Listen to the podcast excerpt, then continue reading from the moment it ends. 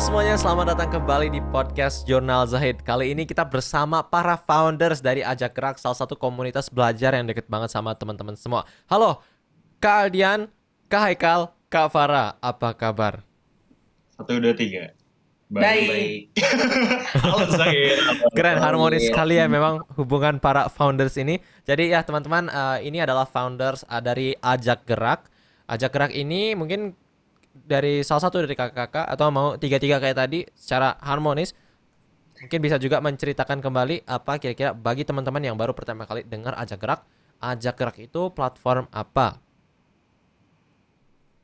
Bangga, Haikal ceritain tentang Ajak Gerak. Oh, jadi Ajak Gerak ini sebenarnya secara singkat itu adalah suatu platform atau tempat belajar kita nyebutnya komunitas. Karena di sini ada namanya tukar emosi antara orang yang ada di komunitas tersebut dan ada orang yang membutuhkan komunitas itu. Jadi kita komunitas belajar dan tumbuh bersama untuk semua anak muda di Hmm. Indonesia. Hit. Jadi buat anak di Jakarta, anak di daerah semuanya kita provide buat tempat belajar dan tumbuh bersama. Hmm. Gitu pokoknya. Mantap, mantap. Nah, tadi itu kan waktu pertama kali di found itu, itu bisa ceritain nggak sih kenapa ini pada awalnya itu kayak ketemu atau saling nunjuk-nunjuk kira-kira oh ini nih orang yang tepat buat mulai proyek ini bersamaku.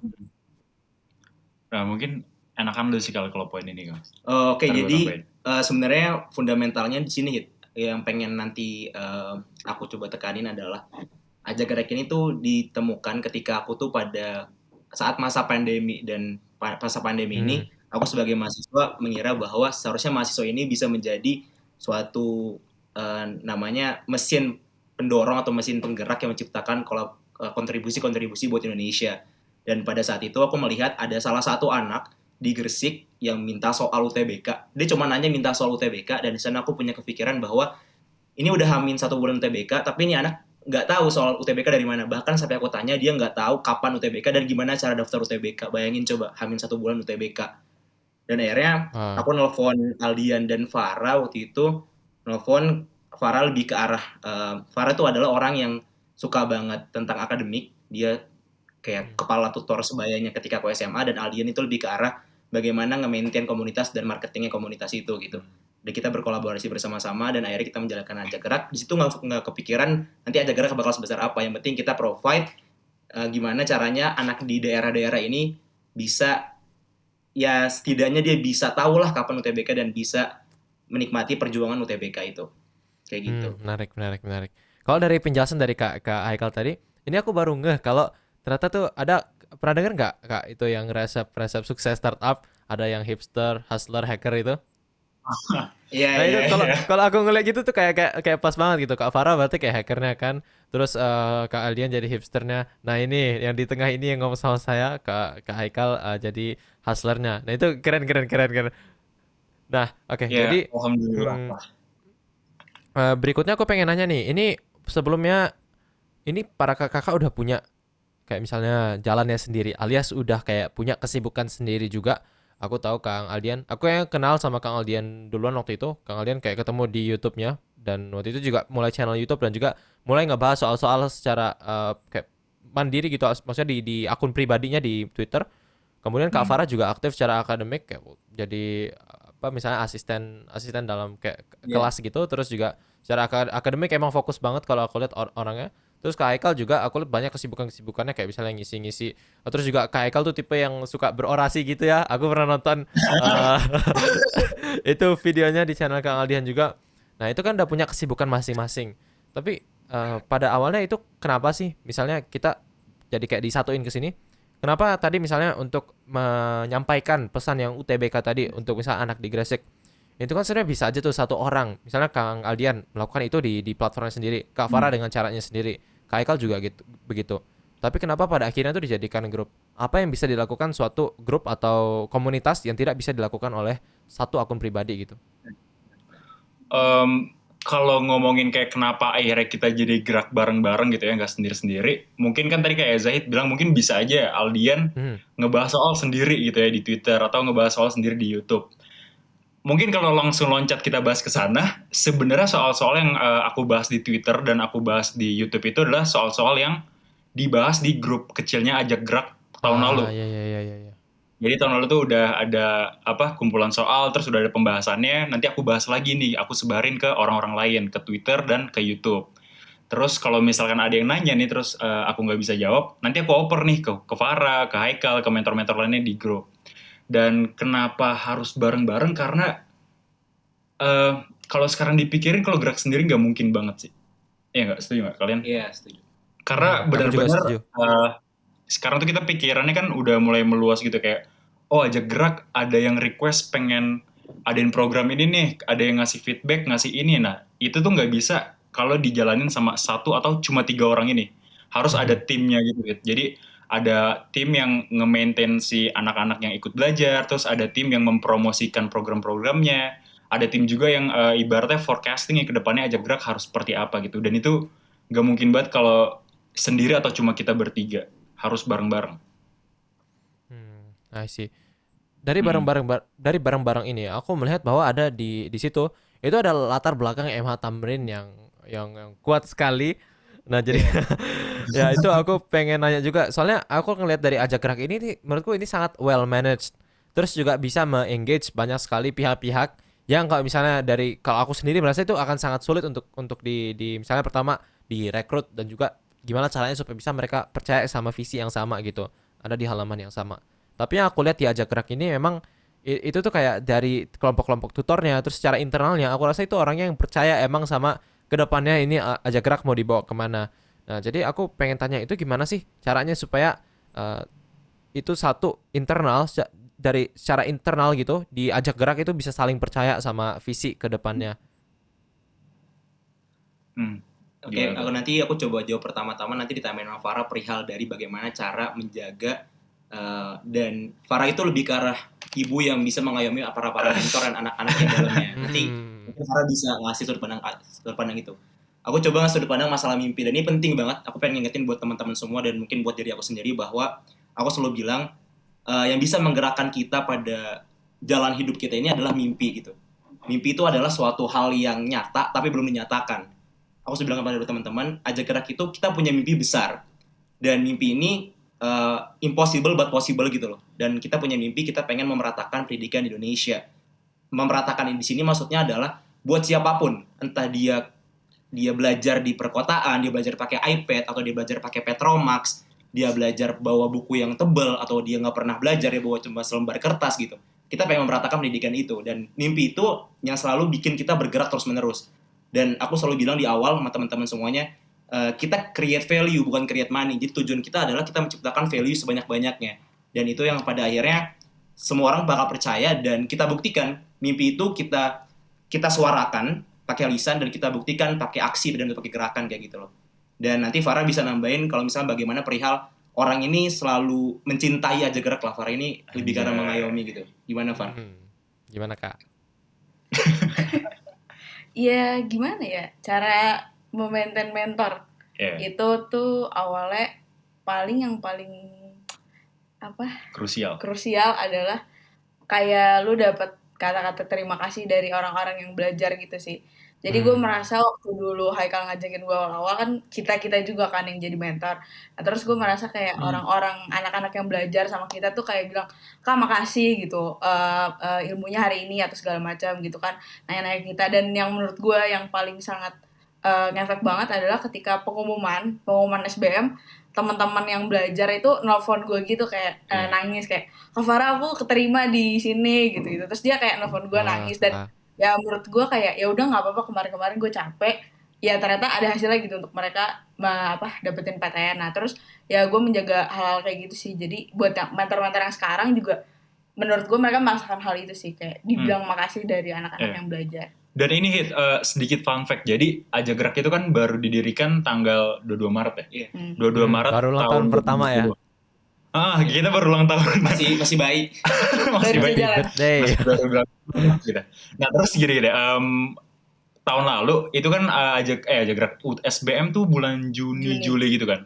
Dan dari sana eh, udah mulai banyak orang yang ikut daftar ajak gerak. Tahun apa sih beberapa bulan lalu kita buka volunteer, kita open volunteer dan open buat yang jadi mentor. Fun fact-nya adalah banyak mentor yang tahun lalu itu tuh dari yang kita Belajar, ajarin. iya. Iya. Jadi Ah. yang tahun lalu mereka ikut program ajak belajar namanya, sekarang mereka jadi mentor ajak belajar. Terus juga ada, eh aku kan di ajak gerak tuh megang yang kayak social media marketing bla bla blanya gitu. Mhm. Nah ada orang yang eh, aku tanya kayak kenapa ikut eh, volunteer ajak gerak gitu. Terus kata dia balas budi tahun lalu tuh gue ikut kelas ajak gerak kak gitu. Terus kayak wah iya jujur Paham. yang bikin kita bisa bertahan tuh apa ya? Mungkin kalau misalkan nih ajak gerak bikin kelas, terus setiap kelas kita dikasih oke satu juta satu kelas Hmm. gitu. Ya, uang ya udah nanti hilang gitu. Tapi rasa terima kasih atau rasa kayak kak makasih udah bantuin gue, gue jadi yang tadinya mager-mageran, gue jadi belajar, yang tadinya gue udah putus asa nggak punya teman belajar, sekarang gue nemuin teman-teman belajar diajak gerak.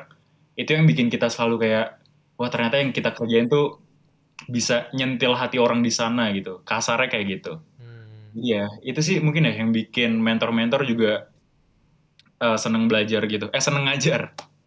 Gitu. Berarti kalau misalnya aku menyimpulkan gini bahwa ajak gerak itu adalah non profit yang berfokus ke value bukan uang. Apakah itu benar? valid no debat. Iya. Nah, tuh kan valid no debat kan ya. Berarti kalau soal ini yang paling aku pengen tanyain setiap ke non profit yang aku lihat itu bagaimana supaya bisa sustainable. Karena kita tahu kan eh, ajak gerak ini semakin dan semakin berkembang dan pasti nanti ada saatnya di mana perkembangan itu tuh eh, dengan kapasitas yang ada ter- terutama sebagai misalnya non profit itu pasti nanti aku bakal aku merasa pasti nanti ada saatnya bakal ada gap di antara kayak misalnya ini berkembangnya cepat banget tapi kemampuan un- untuk keep up-nya itu nggak seberapa dengan kapital yang dipunya saat itu. Jadi Iya. kalau pertanyaanku sekarang itu gimana sih kalau dari ajak gerak itu supaya bisa kayak sustainable meskipun uh, kita tuh kayak non profit kita tetap bisa kayak menawarkan value tanpa kita nanti uh, khawatir akan hal-hal lain ya misalnya kayak misalnya uh, nggak perlu khawatir misalnya bayar uh, kelas Zoom atau hal-hal lain yang perlu dikeluarkan sebagai komunitas. Eh, izin jawab ya. Kalau misalkan dari itu kita selalu start dari kebutuhan gitu. Bahkan di sini kita belum nge-state di mana kita cari uang karena kita belum membutuhkan itu. Nah, Mhm. untuk kebutuhan sementara ini menurutku semua itu bisa dibayar dengan namanya kekeluargaan dan tapi aku juga sama tim kita risetnya dalam ya masalah non profit dan kita juga dalam masalah bagaimana seseorang itu betah diajak gerak, bagaimana seorang siswa itu eh, tetap nyaman belajar diajak gerak. Walaupun di sini ajak gerak ini eh, bisa diibaratkan tidak tidak memberikan apa-apa, tidak memberikan material khususnya. Pasti material secara secara uang ya gitu ya. Dan di sini gimana cara jaganya? Kita selalu jaga pakai dua sih. Kalau misalkan orang yang di, dalam ajak gerak ya. Pertama pakai mimpi dan yang kedua pakai value. Kita tuh nanemin di mana mimpi ini adalah mimpi semua orang yang di sini bisa membuat ajak gerak ini milik bersama gitu. Dan aku di sini kalau misalkan kita rapat internal ajak gerak, kita nggak pernah nge bahwa ajak gerak ini milik kita bertiga. Dan bahkan kita punya aturan di mana nggak boleh manggil kita pakai kak gitu loh. Nggak ada gap antara founder, co-founder nggak ada semuanya dan semua orang di sini ada di dalam ajak gerak dan punya ajak gerak. Bahkan sobat gerak yang di luar sana. Yang kedua masalah value ini. Nah masalah value ini nanti penting buat pertanyaan yang tadi bagaimana menjawab pakai uh, Zoom dan lain sebagainya. Nah value ini adalah value yang kita coba keluarkan dari mimpi tadi memeratakan pendidikan Indonesia dan kita ada namanya di sini kita sharing culture dan kepedulian antara sesama gitu. Dan di sini hebatnya diajak gerak menurutku uh, ketika kita waktu itu pas awal ya dan ini culture-nya terus menerus sampai sekarang. Dulu pas awal kayak kita kita masih bangun ajak gerak untuk kebutuhan Zoom kita rebutan patungan gitu loh. Bahkan pada suatu saat Aldian pernah melanggar rebutan itu. Jadi itu aneh banget. Ini benar kayak culture yang paling aneh gitu. Gimana Lu gimana gimana? Let's say, 100 let's say misalkan Zoom 100 ribu. Terus kita tuh berlapan. harusnya kan 10 sampai 20 ribu ya. Nah Aldian tuh transfer Hmm. aku tuh berapa? 50 ribu ya. Ya, is gitu lah. Iya, Aldian 50 ribu. Nah kita bilang kayak, ah lu ngapain sih? Lu pengen menguasai pahala buat kita bersama gitu. Dan akhirnya Aldian kita ban buat patungan selanjutnya.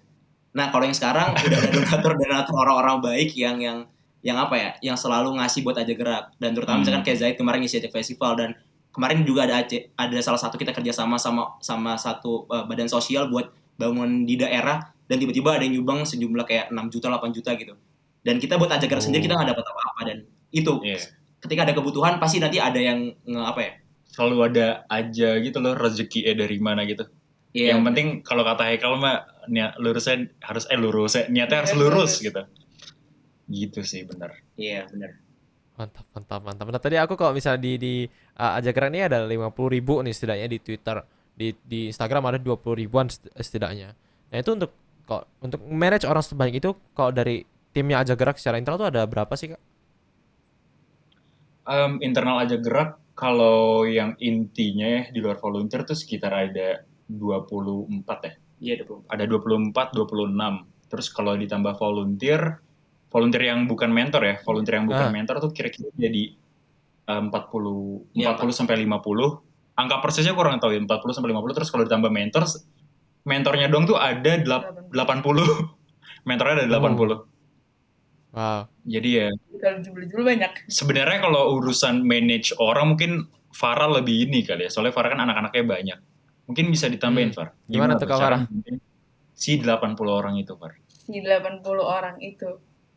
Ya di, Farah malu-malu hit di apa ya? Ya gue punya in, ah, gimana ya sistem. cara tersendiri lah Yeah. untuk mendekatkan diri gue dengan uh, teman-teman mentor mungkin ya jadi ya lebih kayak mereka diajak gerak tuh nggak cuman mereka ngasih uh, apa ya mereka ngajar gitu melalui ajak gerak iya tapi gue juga pengen bisa apa ya mereka tuh tahu gitu loh pengalaman-pengalaman gue mungkin gue juga belum banyak ya pengalaman-pengalaman tapi gue bisa sharing gitu ke mereka kayak ya deep talk lah malam-malam itu cukup sering gue lakukan Hmm. sih sama teman-teman mentor jadi jadi bukan cuma dari gue ke mereka tapi mereka antar mereka juga bisa mungkin kayak ada yang udah buka usaha ini ada buka ini jadi kayak mereka saling ngobrol juga satu sama lain jadi menurut gue untuk maintain mereka tuh ya harus dari hati ke hati lah sih lah kayak Iya. gitu. Lah. Karena suatu hal dari hati akan sampai pada hati. Hmm. kalau aku kalau appro- approach-nya Kak Farah ini emang kayak personal banget gitu ya. Berarti setiap orang Iya, tuh emang kayak di, dipunya caranya masing-masing dan nggak bisa kayak eh, kayak diseragamin gitu semua. Tapi emang harus Hmm. punya kayak atten- attention atau perhatian yang berbeda-beda untuk masing-masing orang. Nah tadi dari 80, 40, 20 orang tadi kira kok kira-kira kalau misalnya dari perspektif aja gerak ajak gerak itu orang-orang seperti apa sih yang bakal di welcome alias orang-orang seperti apa yang dicari yang kayak misalnya kualitas dirinya entah ap, entah misalnya dari resilience-nya atau kayak semangat juangnya atau value-value-nya itu seperti apa sih yang dicari oleh ajak gerak untuk bisa dirangkul dan bekerja bersama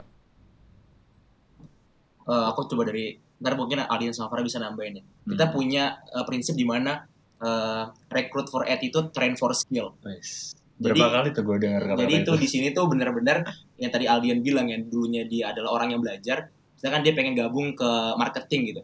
Ada orang yang benar-benar nggak bisa desain sama sekali, Eh, mungkin bisa desain tapi nggak nggak jago nggak sejago itu gitu desainnya. Dan tapi dia mau belajar. Nah mau belajar mau attitude di sini kita lihat tuh dari ini dari kayak dari niatnya awal kita apakah value-nya sejalan sama kita, apakah hal yang dia ingin cari diajak gerak eh, itu adalah hal yang kita pengen share ke orang lain dan dan apa mimpi dia itu adalah sama kayak mimpi kita itu yang kita cari dan juga di sini kita juga nge-hire orang-orang di mana yang pengen growth terus punya growth mindset. Jadi di sini aja gerak. Kalau misalkan ada orang yang join ke aja gerak dan dia adalah orang yang tepat sekali dan orang yang benar-benar pas dengan aja gerak dia akan terus berkembang. Jadi awalnya cuma desainer terus lama-lama dia naik jadi manajer. Kemarin ada yang cuma dari sosial media admin terus sekarang jadi naik jadi uh, manajernya. Terus terus berkembang berkembang terus gitu. Dan kita sama-sama belajar di sini. Kayak gitu. Mungkin Aldo mau nambahin? Em, apa ya? Em, mungkin ini kali. ya, Tadi kalau ditanya juga kayak orang seperti apa yang kita cari, mungkin itu kalau sasaran ke ajak belajar ya. Jadi ini balik lagi ke cerita awal hit yang tentang kenapa akhirnya ah- akhirnya ada ajak gerak itu. Ajak gerak itu awalnya kan dibangun tuh awalnya tuh bukan buat si ajak belajar, tapi kalau fokus ke ajak belajar sebenarnya tuh kita pengen membantu anak-anak yang pengen belajar tapi dia belum punya apa ya privilege plus Iya kita bilang dia tidak seprivilege itu buat akses Mhm. uh, bimbel online, uh, akses buat beli buku dan lain-lain gitu. Jadi yang kita cari adalah orang-orang intinya yang pengen belajar sih, yang pengen belajar dan sebenarnya kita buat ke depannya kita pengen um, ngembangin ke arah ini sih, Uh, buat ngeraih orang-orang yang ada di daerah-daerah, orang-orang yang uh, bisa kita kita kita bisa bilang gak punya privilege lebih gitu, buat kita ajak belajar bareng-bareng gitu. Dan Farah tuh punya data dari anak-anak yang belajar kira-kira ikut bimbel apa enggak itu ada datanya kan Farah? Ada. Kayak 60% tuh nggak ikut bimbel kan. Mm-mm. Nah, itu sebenarnya yang kita cari itu buat kita bantu di program ajak belajar. Gitu. Hmm. Berarti kalau untuk orang-orangnya itu yang lebih cari kayak uh, growth mindset, yang punya growth mindset dan yang juga pengen belajar yang penting karena sejalan juga sama uh, ajak gerak dan juga visi misi dari co-foundersnya. Nah, dalam melakukan itu semua, aku yakin itu kayak banyak banget tantangan dan juga rintangan. Iya. Salah satunya yang aku tahu itu waktu itu sempat ada dispute soal nama ajak gerak. Karena Ajak Gerak ini nama yang sangat sangat sangat unik dan itu nama yang menurutku tuh nggak nggak gampang untuk dimunculkan Wah, dan juga kayak bisa, dipertahankan itu kayak brandnya itu kayak udah lengket sama orang terus aku juga sekarang kalau lihat warna warna hijau sama hitam itu mikirnya ajak gerak beneran Nah, itu makanya. sampai kayak Ah. gitu jadi wa- waktu itu mungkin untuk background ke teman-teman juga ini yang dari perspektifku yang aku tahu nanti mungkin kakak-kakak bisa tambahin atau lurusin yang dari yang aku Iya. bilang Eh, beberapa bulan yang lalu itu aja gerak sempat ada dispute soal nama ternyata ada lagi eh, suatu badan yang ingin menggunakan nama ajak gerak tetapi ajak gerak ini ajak gerak yang sekarang berbicara di podcast ini itu namanya sudah ada lebih dahulu dan Yes. saat itu ajak gerak itu namanya hampir diubah beresiko bukan beresiko lagi bahkan kayak udah ditawarin Hmm.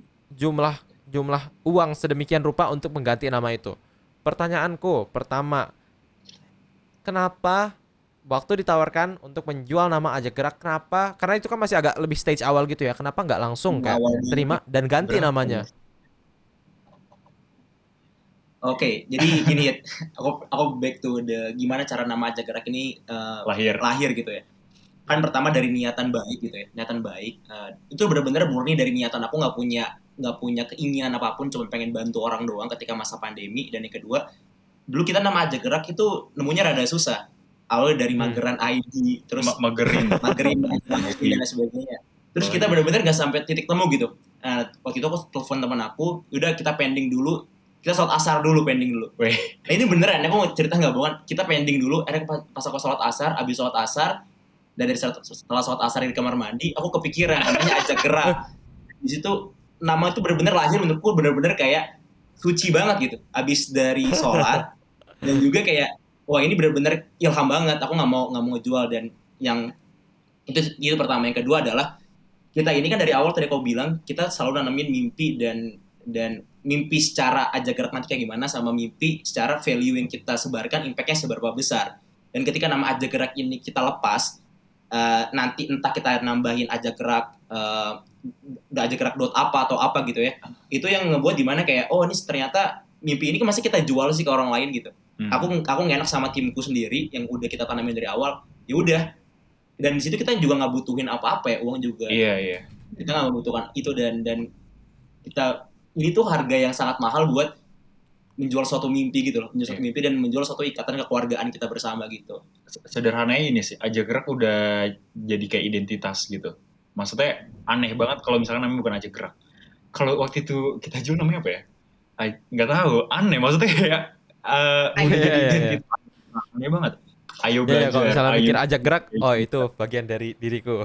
Itu Ah, bagian dari daripada juga misalkan pada saat itu nama ajak gerak pengen diambil dengan cara dibeli ya pada saat itu menurut kita kita lagi tidak membutuhkan eh, dana yang besar untuk mengembangkan ajak gerak dan pada saat itu juga ya dananya masih bisa dari kita lah jadi ya ya udah kita pertahankan lah nama ajak gerak dan alhamdulillah sampai sekarang namanya masih ajak, Ajak gerak. Gerak. tapi by the way kita udah diskusinya baik-baik dengan pihak lainnya gitu Hmm. jadi kayak emang sampai sekarang masih berteman baik gitu. Hmm. Ntar kita mau bikin ini sebenarnya Hit, eh, ajak julid. Nah, mungkin nanti Apa tuh? julid, ajak julid, ajak jurnal Zahid. Ntar kita Wah, kita open Zahid. Enggak, enggak bercanda, bercanda. Ntar ini lagi, kita select lagi namanya ada ajak julid. Nggak Ah. masuk. nah ini aku pengen tanya nih, kalau misalnya dari eh, dari situ kan kita mengetahui bahwa eh ini baru hujan tuh kedeng- kedengeran nggak tuh? enggak Oh enggak ya? Oh enggak ya? Oh ya. Syukur. Duri. putar, putar, jerak, jeruk, jerak, jeruk. Oke, jadi pemirsa, kalau begitu kita langsung kembali saja ke sini. Jadi kalau nama Ajak Gerak tadi yang aku tangkap itu nama Ajak Gerak dipertahankan karena pertama itu merepresentasikan mimpi yang sudah dibangun dari awal dan juga itu juga Hmm. bentuk kayak komunitas dan juga memberikan kayak sense of belonging kepada kayak anggota anggota secara internal juga teman-teman yang bergabung. Dan yang ketiga juga kalau misalnya dari segi kapital gitu saat itu masih ada untuk bisa di fund dari pihak internalnya sendiri jadi tidak dibutuhkan. Nah, tapi kan kalau misalnya aku pikir-pikir walaupun seperti itu tapi kan dari adanya bantuan funding itu, kita kan waktu itu kan masih masih nego-nego juga kan ya. Dengan adanya bantuan kayak funding gitu, bukankah itu bisa kayak mengakselerasi nanti? Meskipun kayak misalnya kita bisa fund dari sisi kita sendiri, bukannya kayak ada akselerasi itu juga bisa membantu kita untuk menja- Hmm. apa melesat Oh. lebih cepat gitu. Ngerti, ngerti. Eh, Oke. Oke, jadi yang paling penting ini menurutku adalah prinsip yang kita utamakan eh, bahwa material itu tuh sebenarnya tidak itu adalah salah satu cara, bukan satu-satunya cara yang sudah aku tekanin Hmm, di dalam hmm, aku ya. Itu Penting ya, material itu adalah salah satu cara, bukan satu-satunya cara. Jangan ketukar pakai salah satu dan satu-satunya. Dan di situ aku selalu bilang bahwa akselerasi itu bisa cepat dengan material, tapi eh, pada saat itu kita belum fase di mana kita menghayati value kita sendiri. Nah, aku selalu bilang kalau kita bangun bangun organisasi itu ada tiga tahap. Pertama create value, kedua create system, dan ketiga create organization. Dan funding ini tuh kita bisa mempercepat langkah, tapi di kita pada stage awal create value ini kita belum menghayati value kita gitu. Mereka nanti dikasih satu funding, itu misalnya let's say kita nggak nggak bilang dari aja dari menjual itu ya, misalkan ada yang ngasih mau invest pada saat itu, aku tetap nolak. Karena pada saat itu kita belum menghayati value kita sendiri, kita belum bisa merasakan bahwa oh ini namanya aja gerak dan value yang kita hasilkan. Sampai kita semua menghayati baru kita baru kayak oh kita to the next level gitu. Dan yang paling penting akselerasi itu menurutku adalah suatu proses di mana kita belajar dengan cara cepat. Bukan bukan hanya aku mengartikan akselerasi ya. Bukan hanya kita melompat lebih cepat tapi kita belajar lebih cepat. Nggak harus lompat tapi kita bisa mempercepat gerakan kita agar kita bisa lari secepat kita melompat gitu. Dan oke oke menurutku misalnya dari funding kita bisa melompat gitu ya. Tapi saat kita dapat melompat pertama, kita nggak bisa buat melanjutkan gerakan-gerakan selanjutnya. Karena nggak ngelewatin proses Yes, benar. sebelumnya. Karena kita nggak belajar jalan, kita nggak belajar gimana caranya jalan cepat, kita nggak belajar lari. Dan pada sampai saat ini baru ketika kita membutuhkan, oh pada suatu titik di mana kita harus lompat nih, kita nggak bisa jalan cepat lagi. Ada ada satu sta- stage di mana ada satu tantangan di mana kita kita harus lompat dan satu-satunya cara itu misalkan dengan materi gitu. Nah baru kita pilih cara itu. Kalau misalkan masih ada cara lain yang menurutku bisa um, memberi kita pelajaran yang memberi kita banyak insight yang yang jauh lebih apa ya jauh lebih berharga kita bakal milih jalan lain gitu. Kita nggak bilang mau mengkiri kita bakal nolak funding atau nolak materi tapi kita menurutku ad- nanti pada pada saat yang tepat kita akan membutuhkan itu tapi sekarang kita belum membutuhkan itu. Nah, nah, itu menarik banget. Dan aku juga kayak uh, salut juga itu karena nggak banyak orang yang berani mengambil langkah itu untuk fokus kayak ke value dulu. Itu benar sekali. Dan bahkan ini juga aku merasa cukup relate ya dengan cerita itu karena membangun channel YouTube itu juga ada kayak aspek-aspek seperti itu. Dan mungkin aku juga sadari bahwa sebenarnya kalau dari membangun channel YouTube bangun apa pun sebenarnya kayak organisasi komunitas itu kayak kata Kak Haikal tadi yang paling penting itu kita harus punya tahu value kita itu apa dulu. Kadang-kadang kita terfokus sama growth. Dan mungkin Yes. growth itu kan bisa aja kayak cepet nanti kita kan cepet tapi cepetnya itu sesaat. Sedangkan kalau kita punya value mungkin lambat-lambat tapi itu bisa kayak lebih jauh gitu lebih lama. Dan ya aku apresiasi kayak langkah yang diambil aja gerak dari uh, sisi itu memper- mem- lebih mem- mementingkan value dan juga sustainability ke jangka panjangnya daripada kayak misalnya growth atau keuntungan sesaat Nah, kalau misalnya dari dari situ juga tapi kan kita juga harus memikirkan nih walaupun ya kita sekarang punya mimpi yang sangat besar tapi dalam mem- membangun apa pun kita kan juga harus siap untuk worst case scenario-nya. Udah kepikiran mungkin nanti aja gerak bisa jadi uh, setelah tamat kuliah nih para foundersnya udah kayak beda-beda visi gitu, udah punya pekerjaan atau kesibukan masing-masing, udah punya ketertarikan masing-masing juga ya.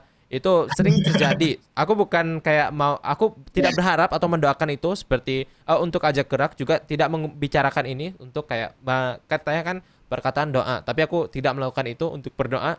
Cuma aku pengen tahu saja nih kalau misalnya dari perspektif dari ajak gerak nih ya. uh, Hmm.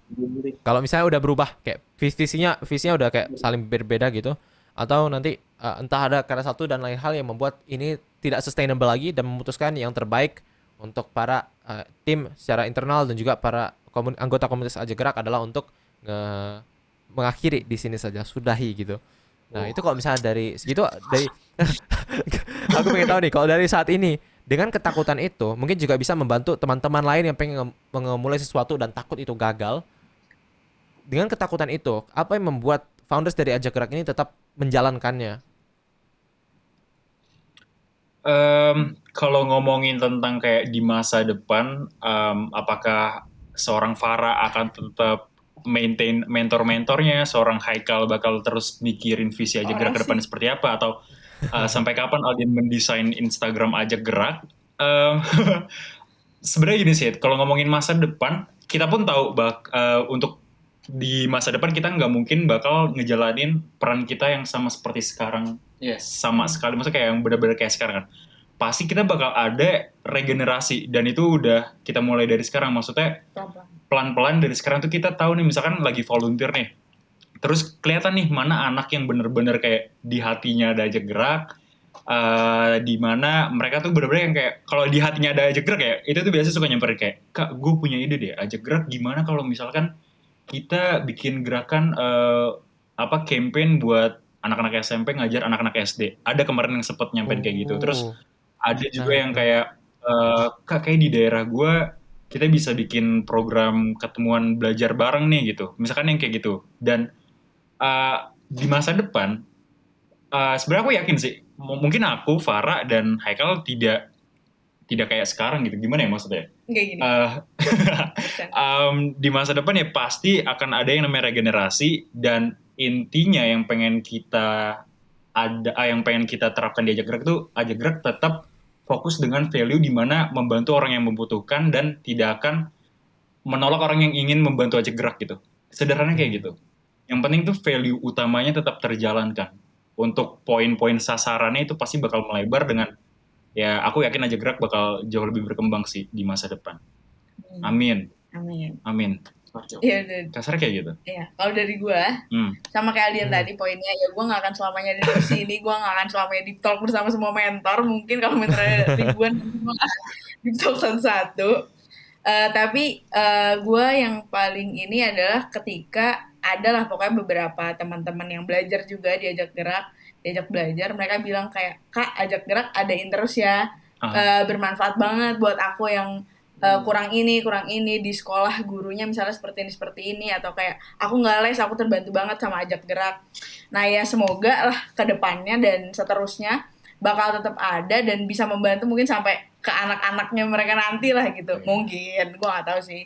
Akan sampai anak-anaknya nanti Reuni perak mentor ajak gerak. Iya, tapi kayak ya gue berharap tetap terus adalah si kita membantu orangnya gitu karena ya gue nggak mau bikin mereka kecewa nanti mereka sedih Kayak ibu Boleh nambahin nggak? nggak boleh Gak boleh Ya sih. silakan Oke. silakan silakan. Oh, boleh, boleh. Ternyata boleh. Eh, pertama Sangat di welcome. ketika ketika kita melahirkan suatu organisasi atau menciptakan aja gerak itu sama aja kita kayak melahirkan anak gitu loh dan di sana kita bertanggung jawab untuk membesarkan dia dan juga Hmm. untuk kayak gimana caranya anak ini kan bisa autopilot maksudnya dia tahu arahnya mau ke mana gitu.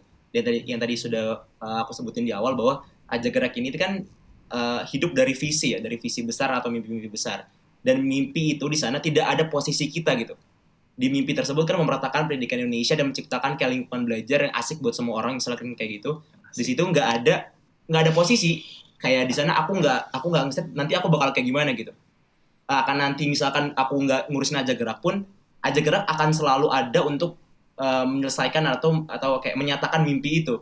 Dan dan itu mungkin tadi yang bisa dijawab sama Alien Novara itu bisa lewat kayak regenerasi yang udah kita buat gitu. Maka di sini apa yang kita coba eh, apa yang kita coba siapkan adalah kita coba siapkan penerus-penerus kita. Dan tapi sebelum itu kita harus siapkan diri kita dulu. Siapkan diri kita dulu dan baru kita siapkan sistem yang nanti akan bisa membuat peng- pengurus-pengurus selanjutnya bisa menghayati mimpi itu dan yang paling penting adalah yang tadi aku bilang eh, ini bukan buat posisi ya tapi buat mimpi yang harus kita terus eh, coba realisasikan bersama-sama sih itu Menarik, menarik, menarik. Ini ini tuh ngingetin aku sama kayak konsep di buku The E-Myth pernah dengar atau baca belum kak? belum Apa apa? The E-Myth huruf E myth mitos E gitu. Oh, Nah, itu ngebahas belum. kayak ya isinya tuh kayak ngebahas nggak tahu kenapa itu kayak nge, tanpa mungkin belum ngebaca aja kayak itu kayak nge- ngegambarin kayak ide yang pengen disampaikan dari bisnis itu. Bahwa katanya bisnis sesungguhnya itu atau kayak kok dari konteks ini kok komunitas ya itu adalah sesuatu yang bisa berjalan bahkan tanpa ada foundersnya sekalipun. McDonald's sekarang masih bisa berja- berjalan tanpa foundersnya dan so- kayak misalnya Alfamart Indomaret tuh pasti kayak berjalan-jalan tanpa ada kayak founders aslinya pre- ada di hadir di situ saat itu juga. Dan ini kayaknya yang menurutku arah yang yang akan diambil sama Aja Gerak yang menurutku keren juga karena ternyata emang di, udah di- dari awal udah diarahin tadi kayak kata Kak Haikal untuk kayak lebih au- autopilot kayak punya anak sendiri gitu. Gimana kita tuh ngebantu tapi bagaimana juga dia bisa berjalan sendiri tanpa ada kita. Dan itu kayak konsep yang dibahas dari buku ini dan itu kayak ah ini kok kayak pas banget ya? Oh ternyata belum baca tapi itu menarik banget. Berarti menurutku itu i- i- berarti kayak ide dari awal pemikiran itu kayak udah pas banget untuk uh, mengarah ke sana Nah, kita sekarang sudah sampai ke sudah sampai di penghujung podcastnya. Jadi aku pengen tanya pertanyaan yang lebih personal mungkin dari masing-masing founders. Kira-kira da- dari saat ini itu uh, gimana sih impact dari ajak gerak ke kehidupan pribadi masing-masing founders? Kak Aldian, Kak Haikal, Kak Farah. Farah jawab dulu lah. Farah duluan lah. Gimana rasanya punya 80 anak gitu, Far? Gak pernah kepikiran sama sekali di hidup gue untuk memiliki sebuah ajak gerak ya, komunitas lah gitu ya. Eh sangat impactnya luar biasa ya. Jadi Wis. dulu itu gue mungkin anaknya akademik banget lah. Ya hidup gue cuma belajar, dapat nilai bagus, apa misalnya ngerjain apa sama dosen atau sama guru segala macam. Terus tiba-tiba bulan Juni 2020 kayak setengah hidup gue berganti gitu. Gue punya eh, ajak gerak itu kayak ya udah benar-benar setengah hidup gue kayak berganti banget dan itu kayak lebih bermakna mungkin dari 19 tahun sebelumnya hidup gue Oh. kayak enam tahun ajak gerak kayak enam tahun lagi enam bulannya ajak gerak itu kayak lebih berwarna dari daripada ya seumur hidup gue IP tambah bagus kan. tapi IP tetap aman. Waduh, waduh, waduh, waduh, waduh. Itu nggak boleh tanya. Nggak boleh sarip. Ya kalau gue itu Hmm. Alian Alien. Oke, kalau dari aku em, yang berubah ya. Ini mungkin kalau tadi Farah bahas tentang kehidupan apa ya, bertemu dengan banyak orang ya. Yang aku juga rasain eh, selain itu adalah eh, ini Haikal tahan ini dulu ya, tahan niatan pengen, pengen pindah jurusan. Jadi kan eh, kebetulan kan jurusan aku kan manajemen rekayasa ya, Hit. Jadi di manajemen Iya, iya, iya. rekayasa itu ya banyak banget tools-tools dan insight yang berkaitan dengan bisnis, dengan pengembangan, dengan framework-framework yang ada di dunia profesional gitu. Dan kadang tuh aku suka lagi kuliah nih, lagi kuliah terus dapat materi apa, terus kepikiran, wah kayak aja gerak lagi lagi butuh kayak ginian nih gitu. Atau misalkan wah kayaknya menarik, menarik, menarik. uh, lagi di posisi ini. Misalkan kita lagi belajar kayak fase-fase organisasi atau kayak manajemen organisasi seperti apa kadang aku langsung kepikiran ke ajak gerak dan uh, aku ngerasa ajak gerak tuh jadi laboratoriumku selain laboratorium yang ada di kampus Oh, gitu wow, wow, wow, jadi oke. kayak kalau aku dapat insight bisa aku rapatin bareng Farah, bareng Haikal, bareng teman-teman yang lain. Cuy, gimana kalau misalkan kita bikin eh, pakai tools ini? Gimana kalau misalkan kita eh, ngembangin ke arah sini? Kita segmentasi bla bla bla bla bla, misalkan kayak gitu. Terus juga apa ya? Yang mengubah adalah tiap hari benar-benar kepikiran aja gerak sih. iya benar itu Oh, benar. Benar-benar Eh, itu Apa? tuh berarti kayak misalnya kalau misalnya dulu kalau kuliah tuh it's just another day gitu kan cuma satu hari it's just another Hmm. topic tapi sekarang setiap kali Iya, ada iya. topik baru selalu kepikiran oh ini kira-kira gimana nih relevannya sama ajak gerak Iya iya. Iya bener-bener kayak gitu kayak misalkan kita lagi eh, abis makan nih sakit perut terus ke toilet ya kan. Di toilet kan Ah. enak banget merenung ya. Nah ya ya keluar dari, dari keluar dari toilet tuh kayak gue punya ide gimana kalau misalkan kita bikin ajak, gimana kalau misalkan kita bikin ajak curhat nah kan. Terus gimana kalau misalkan kita bikin ajak eh, ajak ajak jago gitu. Misalkan ya maksudnya kayak banyak banget ide-ide Iya, iya, iya. liar dan serunya karena kita bikin ini sendiri. Maksudnya kayak kita bukan apa ya kita bukan ngikut ke orang tapi kita Iya. bareng-bareng bangunnya. Kalau kita ada ide ya Ya, jalanin kan aja, gitu. Iya. jadi nggak usah takut wah kayaknya ini bakal gagal ini bakal bla bla bla kalau ada ide terapin ada ide jalanin cari orang bla bla bla gitu. Jadi ya mungkin nih Dari aku lagi ya, nafas nih. Ternyata. selain ada Odo nih ada aja gerak nih. Kayak kayaknya nanti kalau kalau gimana punya kantor sendiri gitu tuh nanti bakal punya apa? Kayaknya ada relationship ter- spesial sama sama kamar mandi ya. Di found pertama kali ketemu sama Kak Haikal juga Hmm. sampai sekarang oke jadi Kak satu silakan aja. Ya bener sih. Astagfirullahaladzim. Nah mungkin aku tadi pengen nyinggung masalah kan ajak gerak didirikan atas mimpi kita sendiri ya dan di situ Mhm. kita percaya bahwa di sini aku pengen nekanin bahwa di ajak gerak pas ada gerak growth diri aku harus makin pantas gitu loh. bukan Oh. pantas makin hebat tapi maksudku di sini adalah ketika kita ber-share value artinya kita harus mempunyai banyak value dan kita harus menerapkan value tersebut dan itu susah banget Iya benar. jadi kayak misalkan kita belajar ikhlas dan apakah nanti aku kembali ke diri aku sendiri apakah kita ikhlas, apakah Haikal ikhlas, Farah ikhlas dan Aldian ikhlas dan itu yang selalu kita evaluasi setiap harinya dan itu susah banget. Yang kedua, di sini aku belajar bahwa semua hal tuh mungkin gitu loh setelah aja gerak dan itu yang akhirnya ngerubah diri aku sekarang benar-benar ngerubah banget dulu ketika kita SMA kita punya ide nerapin dan udah sampai lingkupnya itu aja. Dan sekarang kita percaya bahwa apa yang ada di otak kita di mimpi-mimpi kita tuh bisa menjadi suatu hal yang nyata gitu. Iya. ketika kita mau berusaha.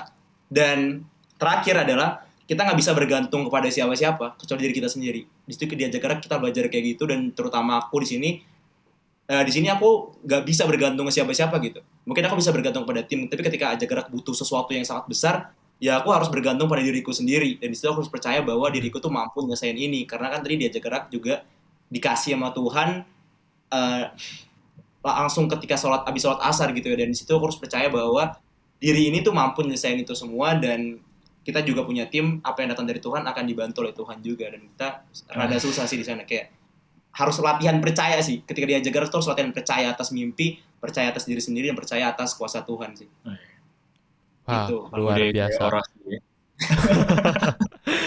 Emang khasnya ya. Kak, Kak Haikal ya.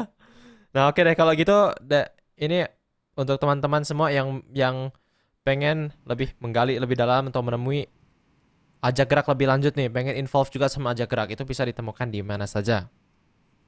di at Dinatavara ya bukan bukan di ini di Instagram, LinkedIn, Twitter, YouTube ajak gerak. Cari aja ajak Oke. gerak yang nggak ada nggak ajak gerak lah pokoknya. Oke oke oke oke. Oke oke oke oke. Mantap mantap. Oke kalau gitu terima kasih teman-teman. Terima kasih co-founders Ajak Gerak. Sampai jumpa